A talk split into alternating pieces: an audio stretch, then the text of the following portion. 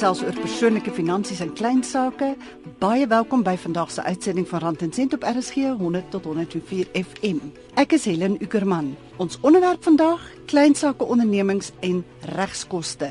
En die vraag is: word klein sake ondernemings billik behandel as dit kom by regskoste? En hoe kan hulle voorkom dat regskoste die hoogte inskiet en hulle onderneming nadelig raak?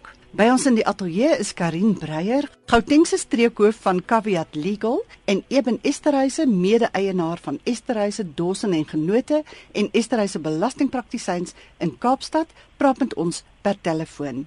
Karin Eben, baie welkom. Dankie Helen. Baie dankie Helen, dit is 'n eer om hier te wees. Verlede maand het die Internasionale Association for Corporate Counsel sy lede in regsfirmas aangemoedig om kliënte se regskoste aansienlik te verminder, regskoste meer voorspelbaar te maak en om die uitkomste van regsprosesse te verbeter.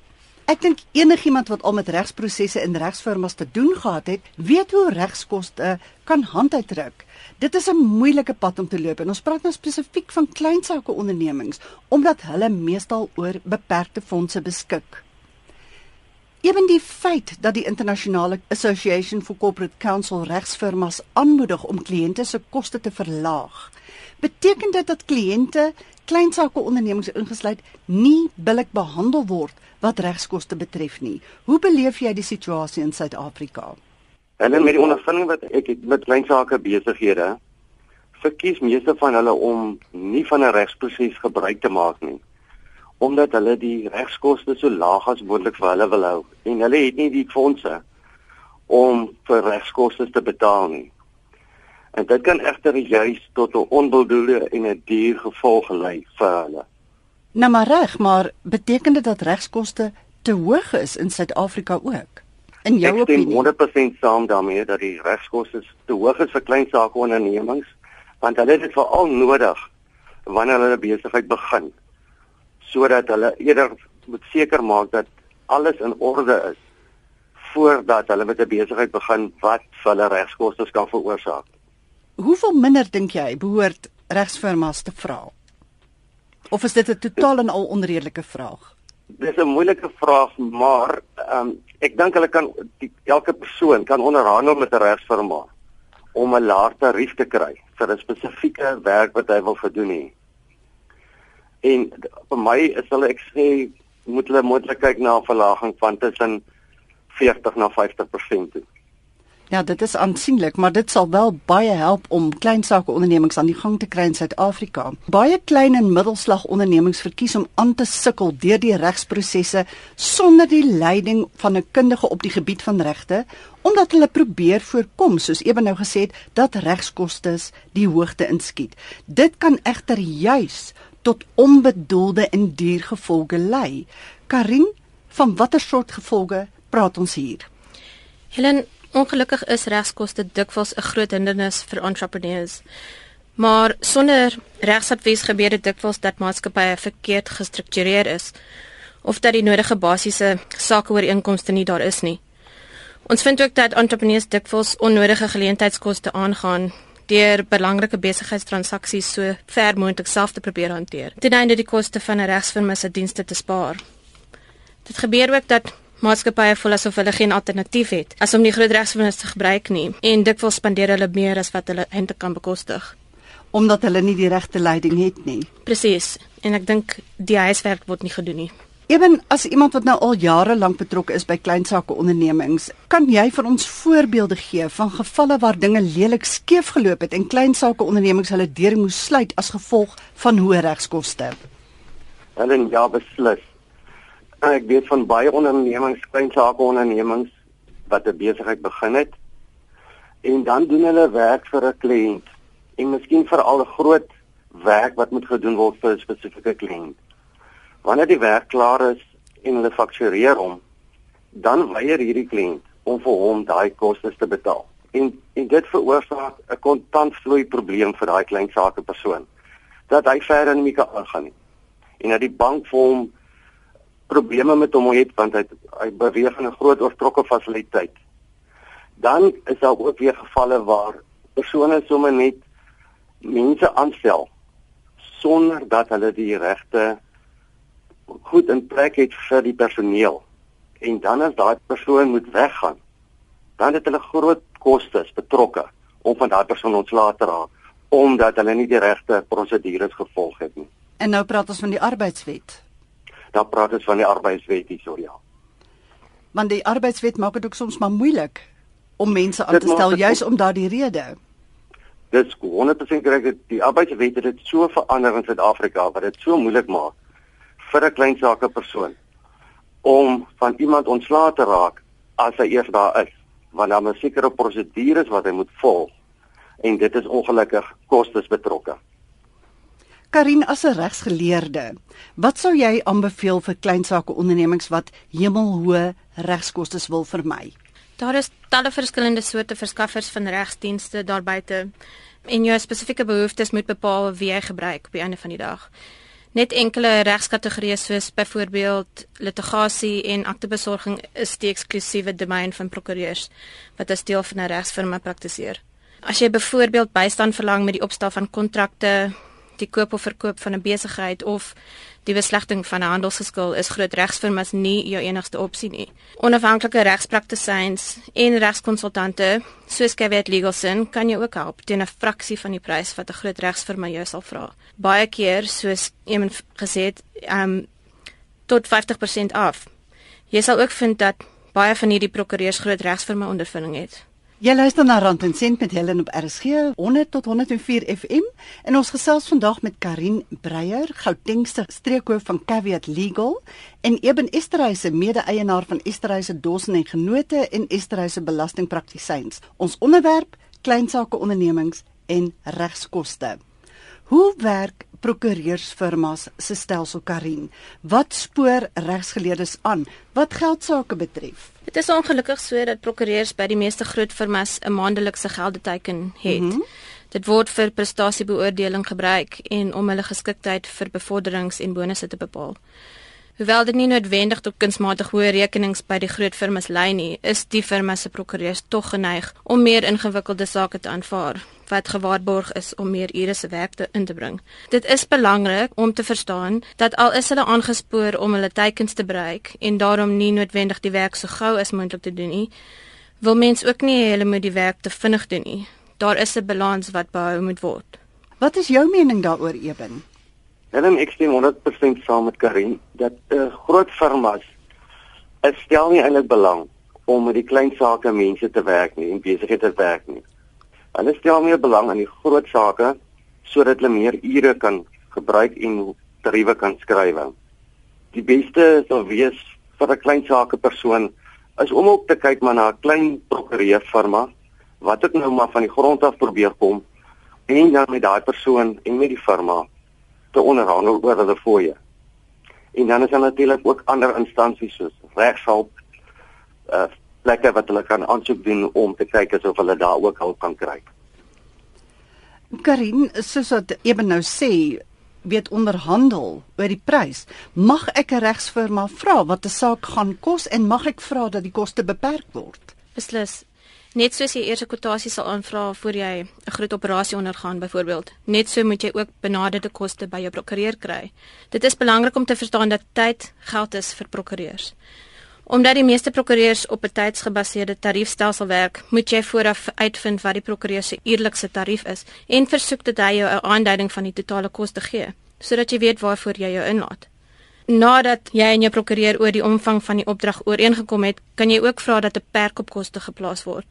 Dit beteken jy lig die prokureur in dat jy nie bereid is om meer as die vasgestelde bedrag vir sy dienste te betaal nie. Maar op die einde van die dag wees realisties. Jy moenie die hoeveelheid tyd onderskat wat jou regspan benodig om jou saak behoorlik te hanteer nie en om natuurlik die gewenste uitkomste te bewerkstellig nie.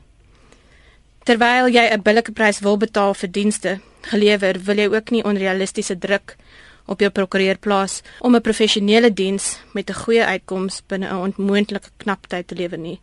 Jy sal tog nooit van jou chirurg verwag om sy werk so vinnig as moontlik te, te handel nie.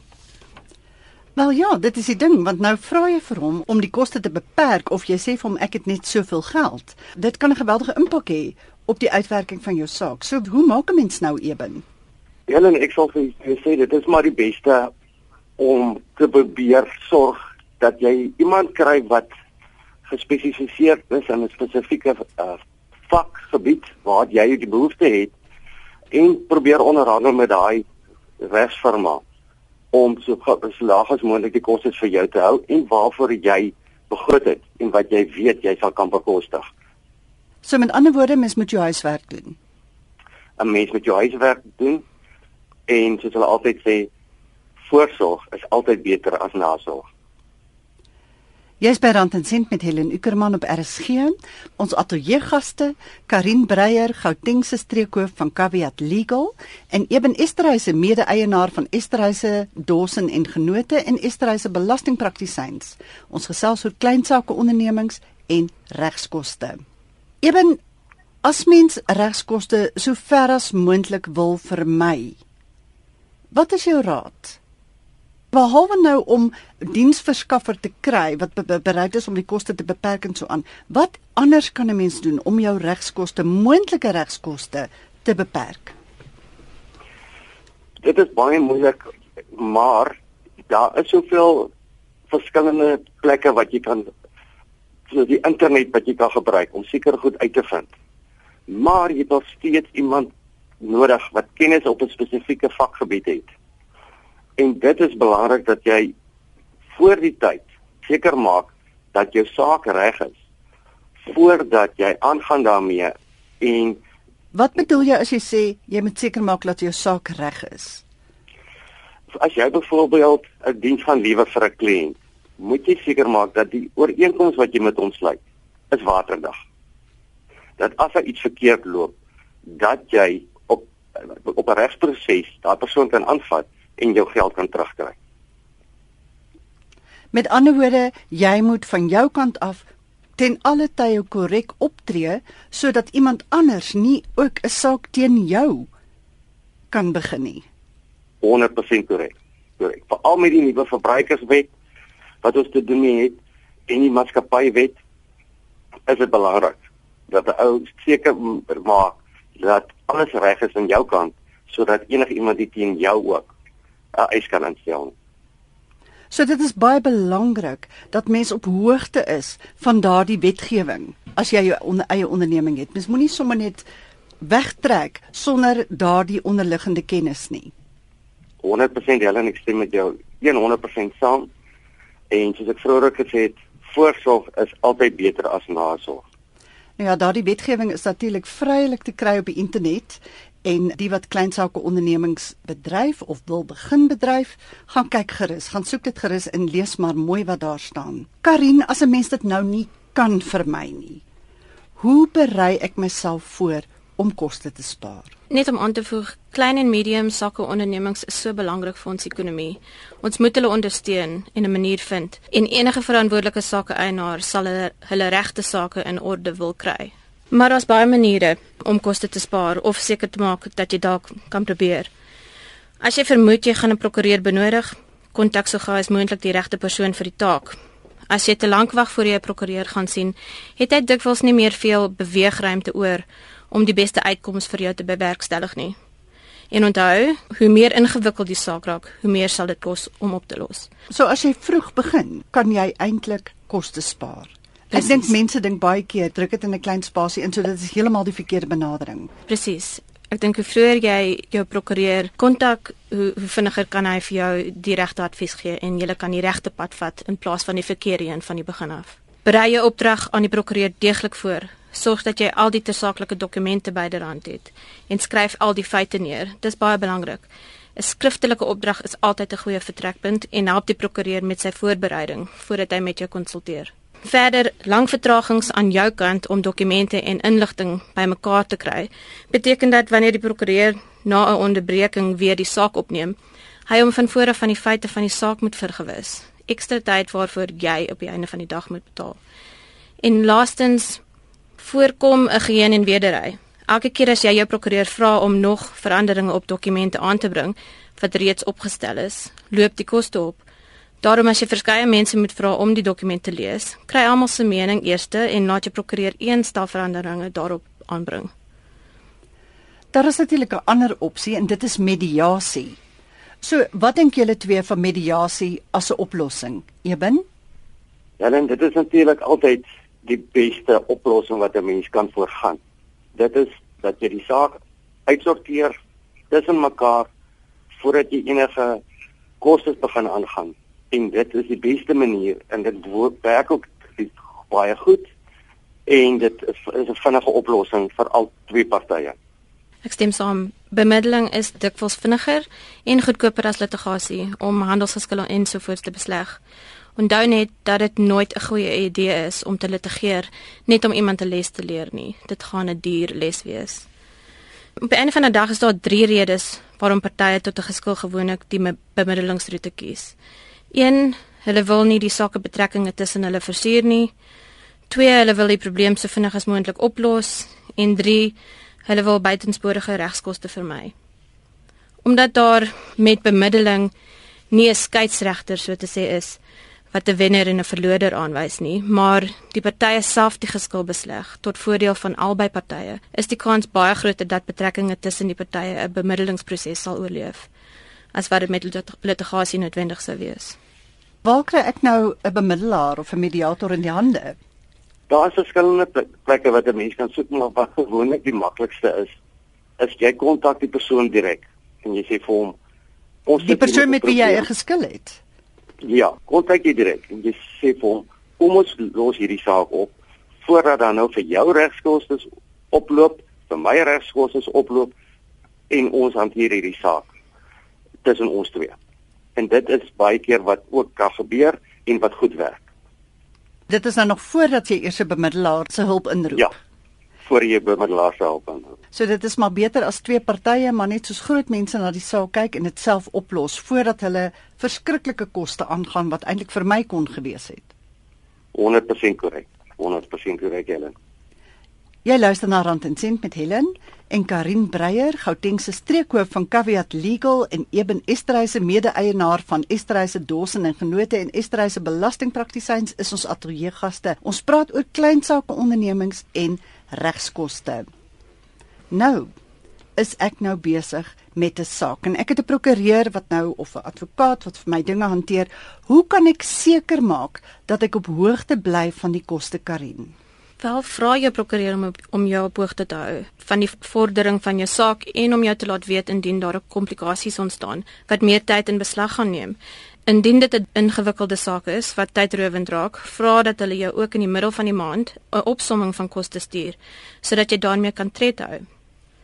Laat jou regspan verstaan jy sal nie omgee as hulle sekere werk aan junior regsgeleerdes delegeer nie. Op dië manier doen junior prokureurs wat teen laer eerlikse tariewe werk, die sleurwerk onder toesig van meer ervare en obviously duurder seniors.